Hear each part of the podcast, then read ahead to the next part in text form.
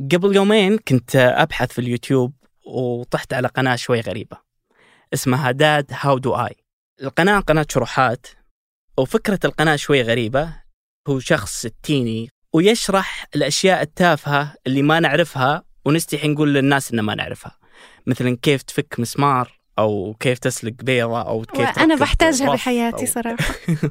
الشيء الغريب إن آه، أنا كنت يعني أقول من يشوف هالفيديوهات؟ يعني أو أو يعني ليش مسوي كل هالشروحات فأدخل أشوف الناس يقولون له أنت بطل أنت غيرت حياتي أنت أنقذتني من موقف محرج. بس أنت على شو كنت تبحث لما لقيت القناة؟ هو شيء محرج يعني فتحس ممكن تحصليني في التعليقات. هذا بودكاست الفجر من ثمانية بودكاست فجر كل يوم. نسرد لكم في سياق الأخبار اللي بتهمكم. معكم أنا لما رباح. وأنا أحمد الحافي. الخبر الأول اليوم عن آخر التطورات في أكبر فضيحة فساد في تاريخ وادي السيليكون. في الخبر الثاني ناسا ترسل صاروخ للقمر للمرة الأولى بعد خمسين سنة.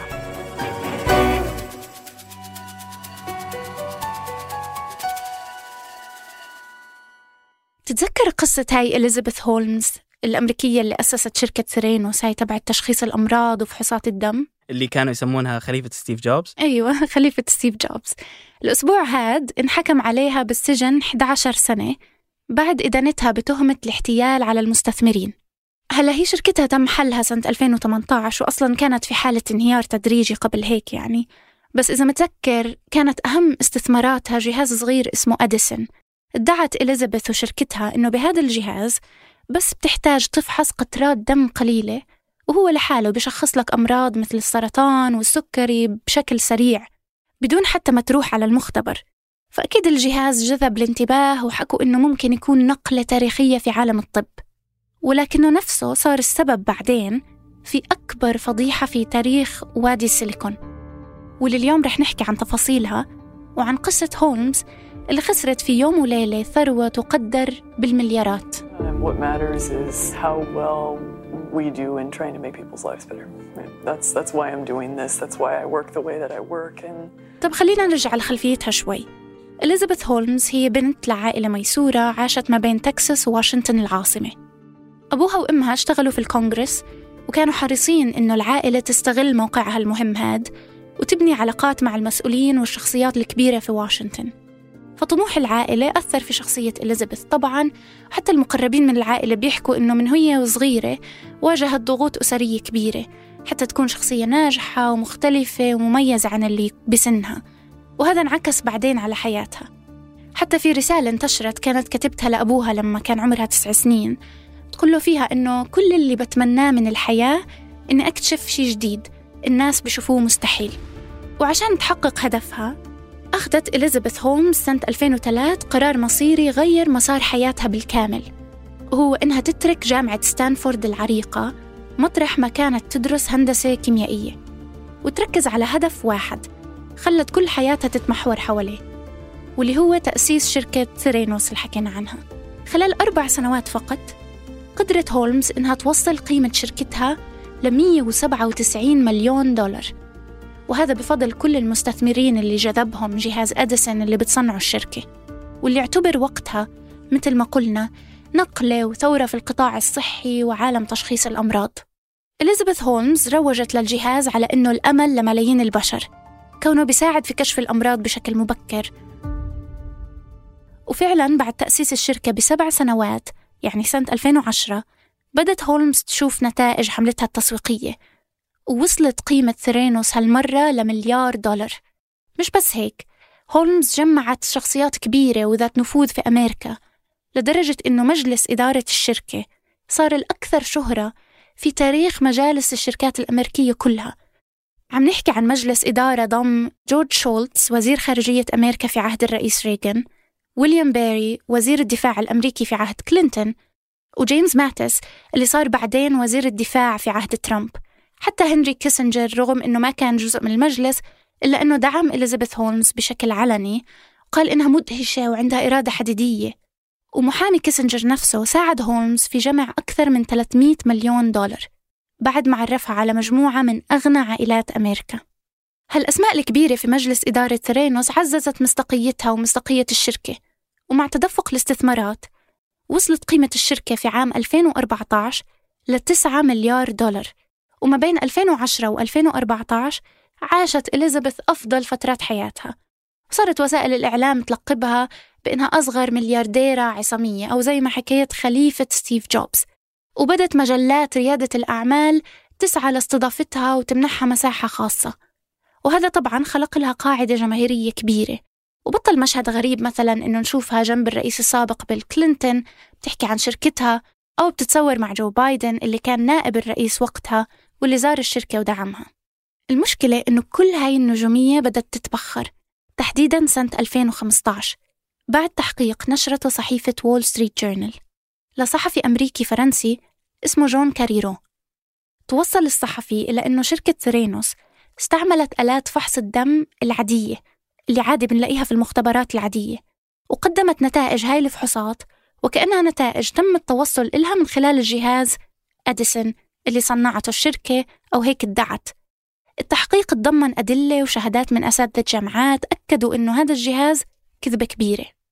فبعد انتشار التحقيق طلعت إليزابيث هولمز في مؤتمر سنوي بتنظمه وول ستريت جورنال بكل هدوء وهي قاعدة رجل على رجل قالت هولمز إنه تقرير الصحيفة ما له أساس من الصحة ورغم إنها حاولت إنها تقاوم التغطية الإعلامية السلبية هاي واللي دمرت سمعة الشركة إلا إنه كل محاولاتها فشلت. لما اتهمتها هيئة الأوراق المالية في أمريكا سنة 2018 بتهم الاحتيال على المستثمرين وتقديم معلومات مزيفة عن جهاز فحص الدم الفاشل. وفي هذيك السنة 2018 تم حل شركة ثيرينوس ومن 4.5 مليار وصلت ثروة هولمز ل صفر. كيف قدرت تقنع طيب كبار المستثمرين بهالجهاز؟ هلا هذا السؤال حير الناس في أمريكا وعن جد ما له إجابة واحدة؟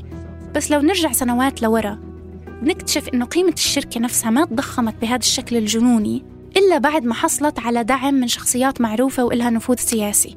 هلا هذا الدعم حسب البعض كان نتيجة لرغبة الناس في إنهم يشوفوا شاب قيادية في وادي السيليكون اللي يعتبر من الأماكن اللي بيسيطر عليها الرجال؟ وهذا ببرر أصلا ليش وسائل الإعلام ومجلات البزنس كانت تخصص مساحة كبيرة للكتابة عن نجاح هولمز لدرجة إنهم حطوا اسمها جنب واحد من أهم وأشهر أقطاب وادي السيليكون وقارنوها بستيف جوبز. كمان في مين بيحكي إنه تصديق الناس إلها ما له علاقة بكونها امرأة أو ريادية أو قيادية بس لأنه الناس انجذبوا لفكرة الجهاز نفسه وحبوا يشوفوها بتتحول للواقع لأنها رح تسهل الحياة كتير. بس من الافتراضات الثانية لكيف نجحت إليزابيث هومز في تمرير كذبتها هو أساليبها نفسها كإنسان اللي حتى تناولتها بعد الوثائقيات والأفلام. كانت دايما تحاول تظهر نفسها كفتاة ذكية ومتعاطفة عشان تكسب ثقة الناس. فمثلا كانت تغير نبرة صوتها الحقيقية عشان تحكي بصوت أكثر إقناع وعمق خلي اللي بسمعها يحس إنها يعني فاهم الشغلة صح. ومن ناحية تانية كانت تستغل تركها لستانفورد وتروج لهذا الإشي إنه دليل على تعاطفها مع المرضى والتزامها نحو هاي القضية ورغبتها في إنها تتحدى نفسها وتسوي إشي مهم للبشرية أجمع. وبنشوف إنها فعلا في 2014 طلعت في مؤتمر تد وقالت إنه وفاة عمها بمرض السرطان ألهمتها لتأسيس الشركة. بس جون كاريرو الصحفي اللي حكينا عن دوره في كشف كذبة ثرينوس ذكر في كتاب نشره عام 2018 إنه هولمز ما كانت أصلا مقربة من عمها اللي توفى وإنه عائلتها زعلت من استغلالها لوفاته لمصلحتها وللترويج لشركتها. المهم إنه بعد سنوات من الشهرة كوحدة من أصغر رياديات الأعمال في وادي السيليكون ظهرت إليزابيث هولمز في آخر جلسات المحاكمة يوم الجمعة الماضية وقرأت خطاب اعتذرت فيه للمستثمرين وللمرضى وهي عم تبكي. وبعد خطابها أصدر القاضي الحكم عليها بالسجن 11 سنة القاضي وصفها بأنها رائدة أعمال لامعة ووجه كلامه إلها وقال إنه الفشل أمر طبيعي لكن الفشل من خلال الاحتيال غير مقبول And here we go. 10. Hydrogen burn off igniters initiate. 7, 6, 5. Four stage engine start. بعد كم محاولة فاشلة في إطلاقه في شهر أغسطس سبتمبر بسبب الأعاصير والأعطال الفنية؟ أطلق أقوى صاروخ في التاريخ أرتمس 1 في رحلة للقمر تستغرق 25 يوم. اللي أطلقت ناسا من قاعدة كيب كانافيرال بولاية فلوريدا الأسبوع الماضي. وهو يعتبر أول صاروخ في مهمة لاستكشاف القمر في آخر خمسين سنة. ورغم أن كبسولة هذه المهمة مصممة أنها تحمل رواد الفضاء إلا أن المرحلة الأولى من هذه المهمة راح تكون بدون بشر. لأن هدفها اختبار نظام الإطلاق والكبسولة ويسوون بعض التجارب. والسعودية اليوم تدعم مشروع أرتمس اللي أطلقته ناسا.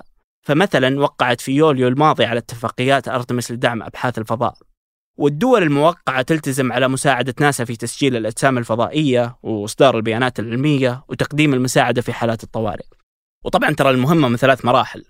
فالمرحلة الأولى تستهدف إرسال مركبة فضاء غير مأهولة للقمر كتجربة.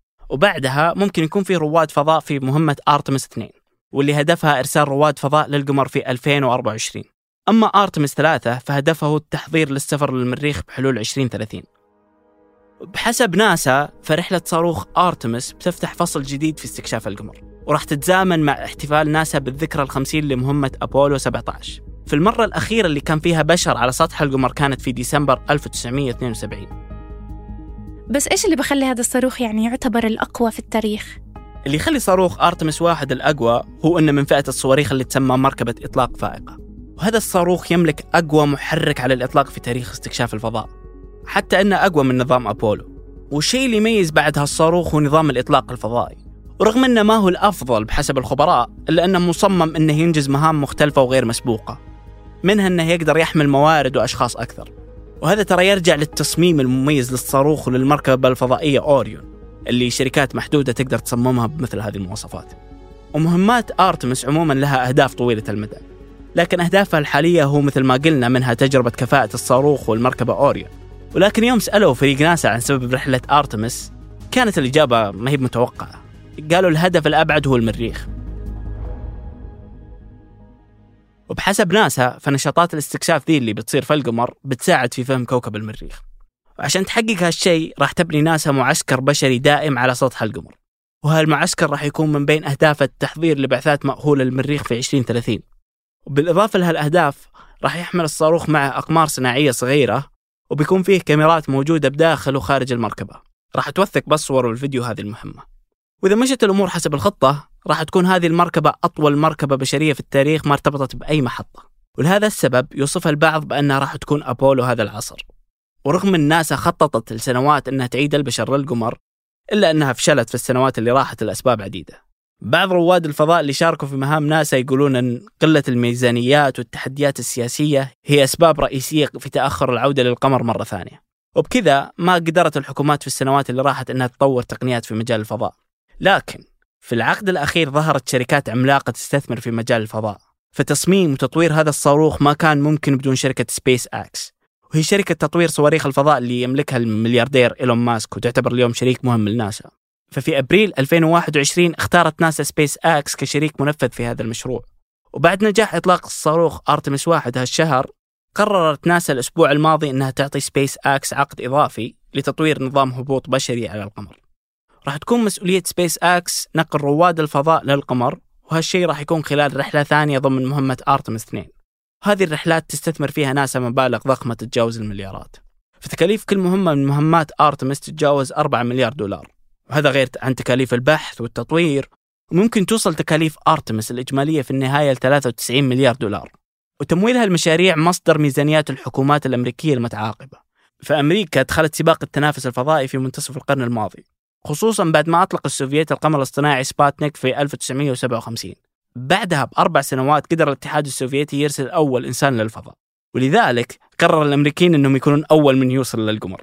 ففي 1962 ألقى كينيدي خطابه الشهير اللي قال فيه قررنا أن نروح للقمر. We choose to go to the moon in this decade and do the other things, not because they are easy, but because they are hard. Because that goal ومن وقتها تواصل السباق الفضائي بين البلدين.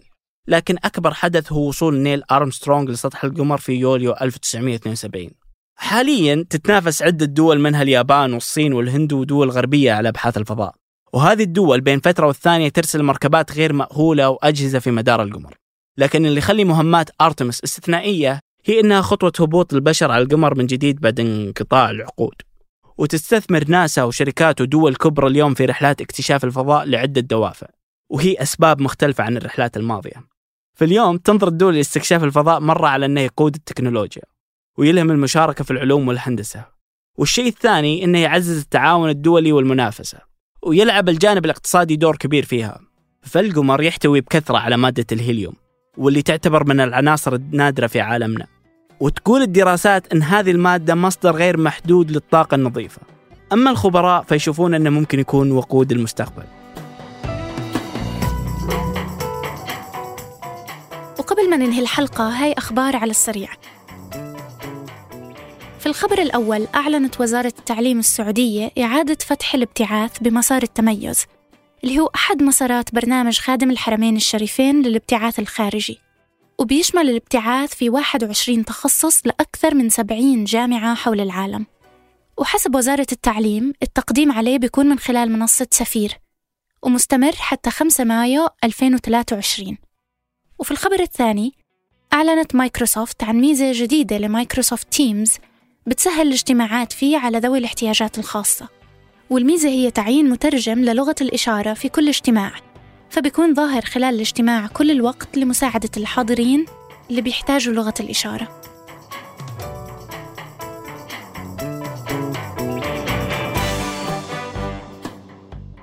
أنتج هذه الحلقة تركي البلوشي وعبد العزيز الحبيل وأشرفت عليها سحر سليمان وقدمتها أنا أحمد الحافي وأنا لما رباح. وحررها محمود أبو ندى. نشوفكم بكرة الفجر.